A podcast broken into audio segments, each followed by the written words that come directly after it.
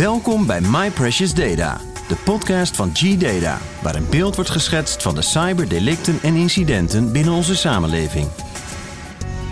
In deze podcast gaan we in gesprek met Eddie Willems, Security Evangelist bij G-Data. Geven we inzicht in de laatste security trends en bespreken we de preventieve maatregelen die genomen moeten worden om cybercrime te voorkomen. Eddie, goedemorgen. Daar zijn we weer met een nieuwe podcast van My Precious Data. Ja, goedenavond, goedemiddag, goedenacht en ja, weet ik veel allemaal. We weten het niet. Nee, en vooral beluister ons tijdens de douchen. Ja, precies. Dat is het uh, nieuwe concept dat we gaan lanceren. Ja. nou ja, ik, ja, ik, ik vind het uh, heel... uh, dat is niet slecht hoor. Dan is de douche wat langer, dan ben je proper erachteraf. Ja, en, en heb je ook nog iets eh, geleerd als het goed is? ja, dus je combineert de dingen. Dus Ja. dat is altijd heel interessant. Maar uh, het is vandaag een, ja, een vrij technische uitzending, denk ik. Ja, dat denk ik ook. Ja, ja, ja. Ik, ik- ik denk dat iedereen er iets gaat aan hebben. Waarover gaan we het hebben, Ruud? Ja, ehm, nou ja, we, we gaan het hebben. We, we lezen natuurlijk iedere dag heel veel over eh, cyberaanvallen. En ehm, ja, vooral, eh, ja, eh, maar hoe worden die nou eigenlijk uitgevoerd? Hoe zit dat nou juist? En daar wilden we het eigenlijk vandaag over hebben. Dus het Ja. wordt denk ik vrij technisch inderdaad. Ja, ja, ja, ja. Wel, goh. Wel, het gekke is dat het niet zo technisch is. Oh, Voor, nee, want eh, is, is, eh, soms vraagt men zich af, is dat nu moeilijk, al die zaken? En Ja. dat is die feite niet. Ehm, je kan namelijk wat oefenen thuis op een Windows-PC of een Linux-PC. Je kan een netwerkje opzetten en je probeert wat je kan doen. Hè. En dan Mhm. met behulp van een paar tools en wat basiskennis, Mhm. eh, die je in feite gewoon kan vinden op het internet, kan je wel degelijk ook al een eh, mooie aanval uitvoeren. Of kan je bijvoorbeeld eh, fouten of kwetsbaarheden in een systeem opsporen. Dus heel moeilijk is het uiteindelijk niet echt. nee. Oké, en, en wat voor tools gebruiken dan eh, die hackers? Is het dan, kan iedereen die gebruiken? Of eh, ja, hoe gebeurt dat? Ja, zo'n cyberaanval, hè? hoe gebeurt dat nu? Ja. Wel, wel, er is in feite geen eenduidig, eenduidig antwoord voor, maar meestal is het een beetje een combinatie van social engineering en malware. Hè? De Ja. belangrijkste tools uiteindelijk die bij cyberaanvallen worden gebruikt, maar daar houdt het natuurlijk niet op. Eh, de gemakkelijkste man- eh, manier om een netwerk binnen te komen is, zoals we allemaal kennen, een spearphishing of gewoon een phishing Ja. aanval. om Ja. dan die inloggegevens van een gebruiker of een beheerder te pakken te krijgen. Of om een backdoor te installeren om toegang te krijgen tot dat netwerk. Ja. En, eh, of, of andere soort malware natuurlijk. En, maar als het dan een backdoor, backdoor betreft, eh, wel, dat, dat zijn de zogenaamde remote access trojans. Dat zijn Ja. uiteindelijk tools die bij uitstek eh, ja, perfect bedoeld zijn om in een netwerk binnen te geraken en dan, ja, het woord zegt het zelf, hè, remote access trojans, om van op afstand het beheer van dat toestel en eventueel van dat netwerk over te nemen. Ja. Zijn, zijn er veel van eh, die tools? Goh, er zijn enorm veel tools in omloop. Eh, als je een goed overzicht, eh, om echt een goed overzicht te krijgen van al die tools, denk ik dat het ook interessant is om wat verder te kijken. En eh, te kijken naar, ehm, wel, er is zoiets opgesteld ooit als het Mitre Attack Framework. Mhm. Nou, Wat is dat nu, zou je zeggen?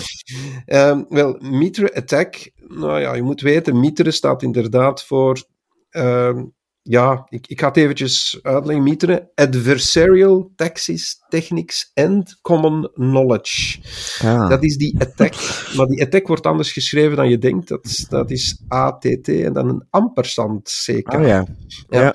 Dus het Mitre Attack Framework is een soort van kennisbank, een model voor het gedrag van cyberaanvallers, dat de verschillende fasen van al die ehm, ja, technieken een beetje uitlegt en uit de doeken doet. Ehm, je krijgt dan een overzicht van tactieken en technieken die dus in context geplaatst worden, zodat die dan in feite ook als wel de offense zelfs offensief en defensief kan je langs de beide kanten van de lijn kan je dus in feite gaan zien waar dat er uiteindelijk allemaal in passen, al die technieken. Dus Ja. ja. En, en eh, waarom is eigenlijk dit eh, framework ontwikkeld? Wel, het is vooral erg handig om uh, veiligheidsprofessionals te informeren over nieuwe aanvalstechnieken en om aanvallen soms te voorkomen. Um, organisaties kunnen dat framework bijvoorbeeld gebruiken om een map van hun beveiligingssystemen te maken. Um, en terwijl het framework in de eerste plaats be, uh, bedreigend gedrag in kaart brengt, kunnen ook bedrijven, vooral diegenen die veiligheidsoplossingen maken, hun systemen ook aanpassen. Hè. Zij kunnen uh, aanvalstechnieken ontdekken die in hun bedrijf en in die nodig hun personeel daarop trainen uiteindelijk. Hè. Dus, uh, en um, ja, Attack levert vooral, ik denk, details over de grote aanvallen. Ik denk dat het vooral daar belangrijk is. En Um, je krijgt dan een zeer mooi systeem, een soort van gids uh, dat je kan gebruiken voor de veiligheidsteams die in het bedrijf aanwezig zijn. En dan kan je dus echt gaan identificeren wat er allemaal gebruikt is. En om dan de cirkel rond te maken, die tools van hackers en cybercriminelen maken gebruik van technieken die je dus kan klasseren via dit framework. Ja, precies. ja, het, het, is misschien, het, het, het, toont moeilijk, maar we gaan het hierbij stoppen een beetje. Maar het is alleszins wel een aanrader is om naar dat Mitre Attack Framework eens op te zoeken op het internet, denk ik. Ja, precies. En iedereen kan daar, kan daarin? Of... Ja, ja, je kan dat gewoon opzoeken en je kan dat okay. gewoon weg, uh, bekijken hoe dat, dat uh, eruit ziet. Er is heel veel informatie van beschikbaar. Ja. Kun je wat voorbeelden geven van tools die, die hackers gebruiken? Ja, er zijn er dus heel veel. Uh, we gaan er een aantal opnoemen. Er zijn een aantal typische hackingstools die zowel voor legitieme hackers, uh, maar ook door systeembeheerders ja. uh, en ook door cybercriminelen worden gebruikt. Dus het is een beetje een... het is voor iedereen gewoon. Ja, het is voor iedereen. Het is open source. Hè. Um, ja, Oké. Okay. En um, ja, ik ga er een paar noemen. Advanced IP Scanner bijvoorbeeld is er eentje. Dat is een betrouwbare en gratis netwerkscanner om, om, om je netwerk te analyseren. Uh, het programma toont zo'n beetje alle netwerkapparaten, geeft je toegang tot gedeelde mappen en zo. En zorgt ook voor afstandsbediening van computers. Um, je kan zelfs computers op afstand inschakelen of uitschakelen. Um, heel gemakkelijk te gebruiken. Dan heb je nog een andere. Ja. Bloodhound. Dat is okay. een source, ja. Allemaal rare, ja, de namen. Ja, uh, spectaculaire namen, ja. Ja, daar zijn ze gespecialiseerd in, denk ik. uh, Bloodhound is een open source toepassing, die wordt gebruikt voor het analyseren van de beveiliging van Active Directory domeinen. Dus dat geeft zo'n beetje een overzicht van het, actief, van het uh, van het Active Directory domein waarin dat je zit. En, en, en, en dan krijg je al die mogelijkheden. Een beetje alles, de, de, de mogelijkheden blootgelegd van dat netwerkje. Cobalt Strike. Mm -hmm. um, klinkt precies zoals een spelletje, vind ik. Ja. um, uh, Cobalt Strike is een legitieme beveiligingstool die ook wordt gebruikt door pentesters om de activiteit van cybercriminelen in een netwerk te simuleren. Dus, uh, maar je ziet ook dat het tool ook steeds vaker gebruikt wordt door ja, uh, cybercriminelen. Hè. Dus en, en het, het, het is echt. Uh, het is dus niet altijd voor echte pure pentesters bedoeld, natuurlijk. Dan heb je Defender Control, dat is een hele leuke. Um, het is een kleine draagbare, ja, een soort van freeware waarmee je de Windows Defender kan uitschakelen. Dus uh, het, het, Microsoft uh, Windows Defender pakket.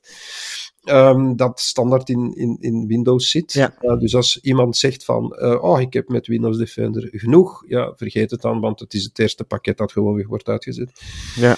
Um, en uh, dat is typisch. Um, en dan komen we aan de lekkere dingen. Lasagne. Oh, lasagne. ja, lasagne, maar met een Z geschreven dan wel. Aha. En het lasagne-project is een open source toepassing die wordt gebruikt om een groot aantal wachtwoorden op te halen die op een lokale computer zijn opgeslagen. Dus elke software slaat zijn wachtwoorden ergens op. En met een aantal technieken van die tool kan je dan al die dingen uitlezen. Dus ja, weg met de wachtwoorden. Mhm. Mm -hmm. Dus vandaar ook de belangrijkheid van multifactor authentication. Hè. Je ziet maar uh, ja. hoe belangrijk dat, dat uh, wordt. Dat hebben we genoeg tijdens andere uitzendingen al uh, meegegeven. Mimikatz, um, en daar ga ik ermee ophouden, want het, het blijft maar ja. denk ik. Uh, Mimikatz wordt gebruikt om na de exploitatie, dus na het binnenkomen, een stevige greep te krijgen op die computer of op dat netwerk. Hè. Dus uh, ja. een soort van, ja, een, een, een heel, een soort van, um, hoe zou ik het zeggen, een Zwitsers zakmes, waar dat er een heleboel tools in zitten om dan verder te gaan.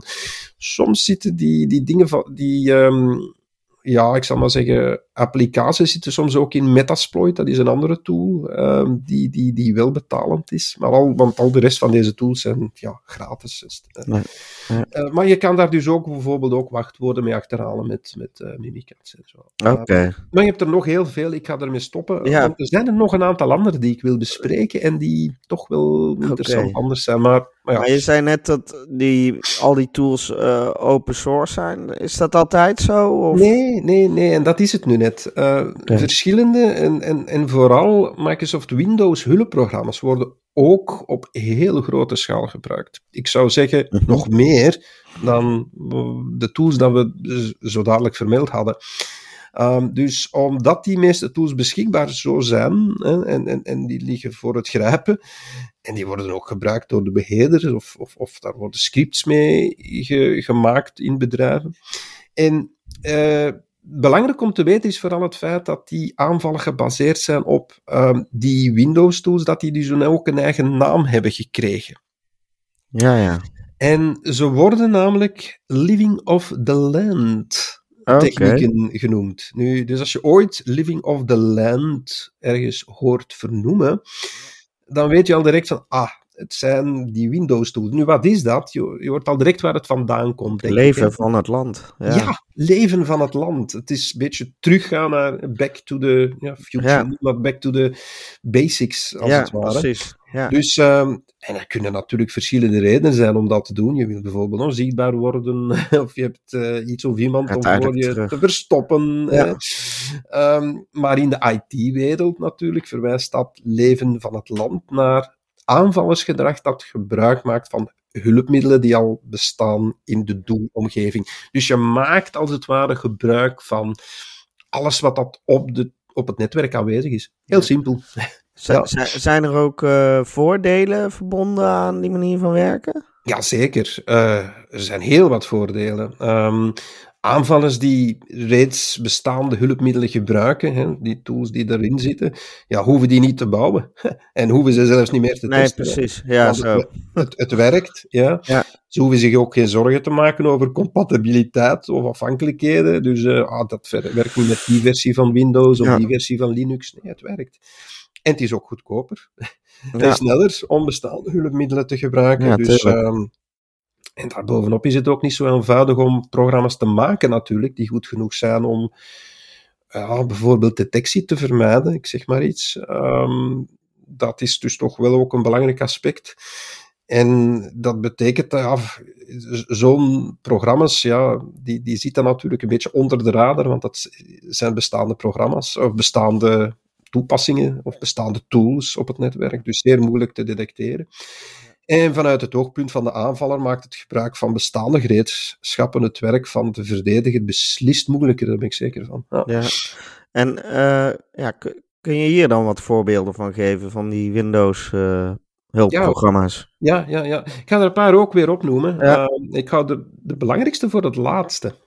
Oké. ja, uh, bijvoorbeeld tasks, of ja, scheduling tasks, uh, wat ik zei, schuttasks. Hiermee kan een beheerder bijvoorbeeld geplande taken maken, verwijderen, opvragen, wijzigen, uitvoeren en beëindigen op een lokale of een externe computer gebruikt door malware en cybercriminelen als een persistentie, persistentiemechanisme op je netwerk.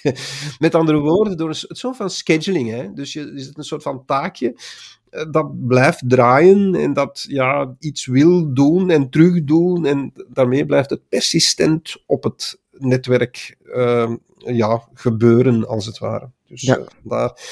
Um, NL-test.exe of NL-test uh, mm -hmm. is een netwerklocatietest. Uh, lijst met domain controllers. Uh, je kan het afsluiten, forceren van op afstand. Je kan nou ja, een beetje kijken hoe dat, het, hoe dat het Active Directory een beetje in elkaar zit. Nou ja, zo van die dingen. En dat is ook een belangrijke tool. WMIC. Mm -hmm.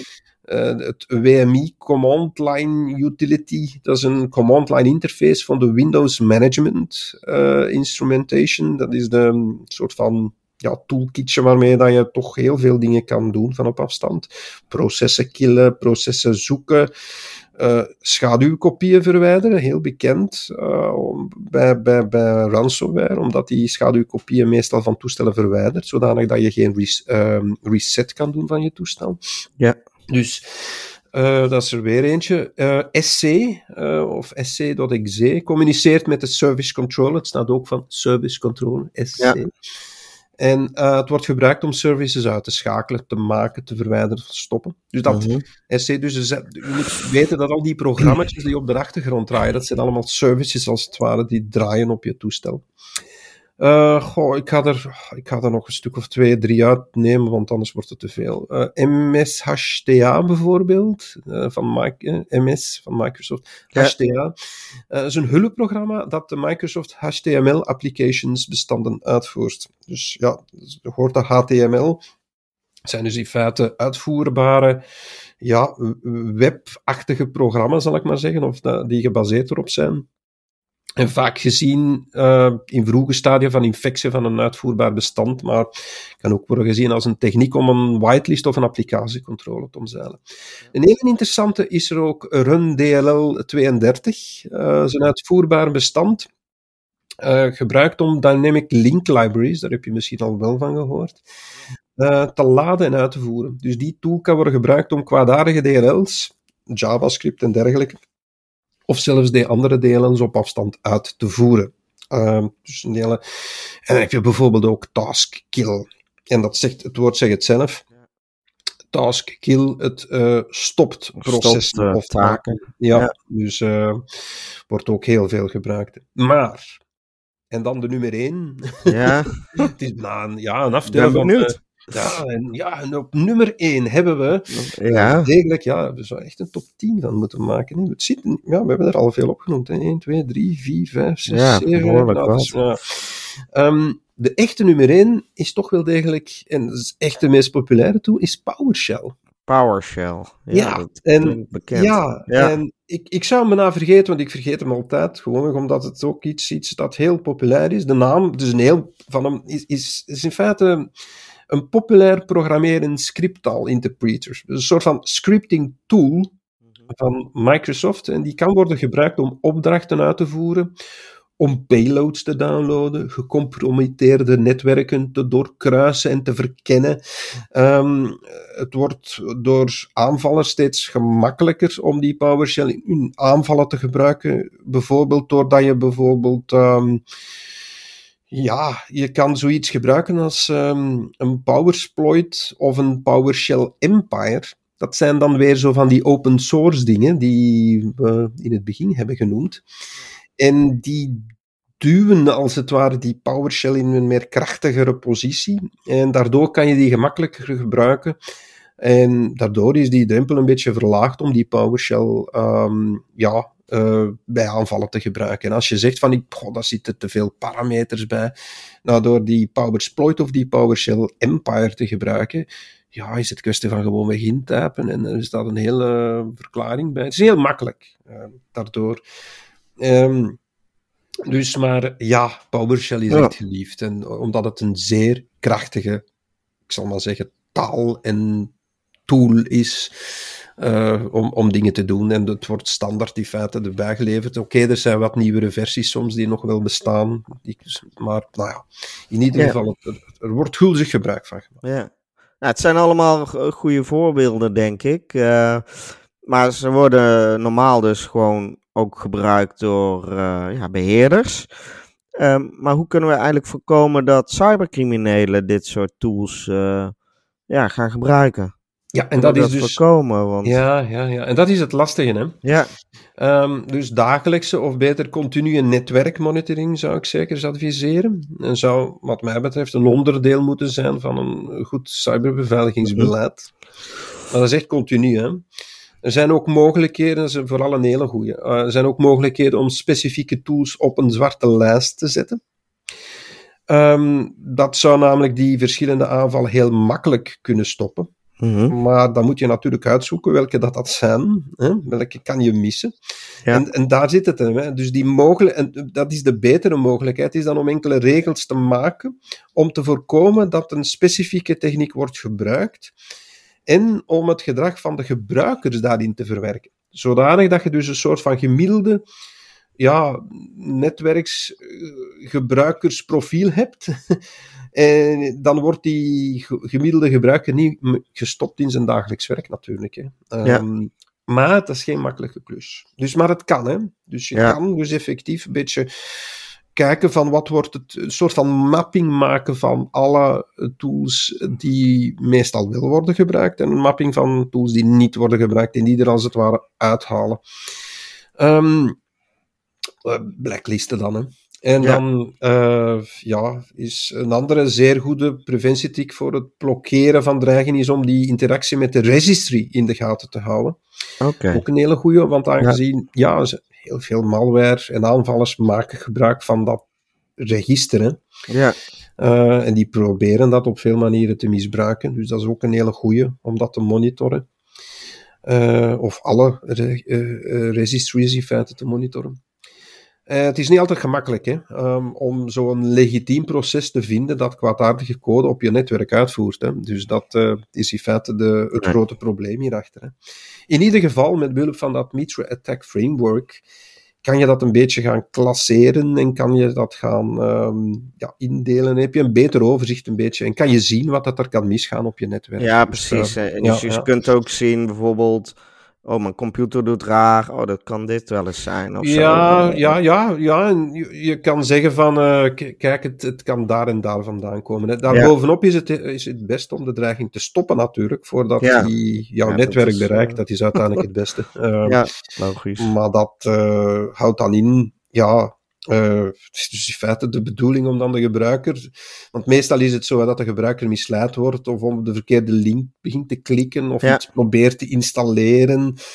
Maar dat kan je dan wel in de hand houden uh, door uh, cybersecurity awareness trainingen, endpoint security producten en vooral uh, een goed patchbeheerbeleid. Uh, ja. um, want um, ja, als een aanvaller natuurlijk in je netwerk tracht te komen, dan is het toch altijd meestal ergens via een achterpoortje, omdat er ergens een zwakheid nog in een bepaald programma zit dat misbruikt wordt om uh, op je netwerk of je pc te geraken natuurlijk. Hè. Ja. ja. ja. Nou, uh, ik denk dat dit wel een uh, mooi overzicht is en ook een goed beeld geeft van ja, hoe, hoe bepaalde tools gewoon worden gebruikt voor hacken. Soms op een uh, uh, legitieme manier natuurlijk. Maar ook op een, uh, ja, maar ook gewoon cybercriminelen die er eigenlijk ook gewoon gebruik van maken.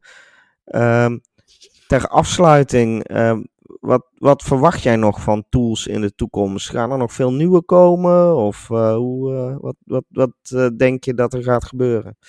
Tja, dat uh, moet de toekomst natuurlijk uitwijzen. Ja. Wel, één ding is zeker. Hè. Um, ja. Je ziet dat in die constante wapenwetloop tussen cybercriminelen. Um, niet alleen cybercriminelen, tegenwoordig zijn het ook bijna ja, uh, legers.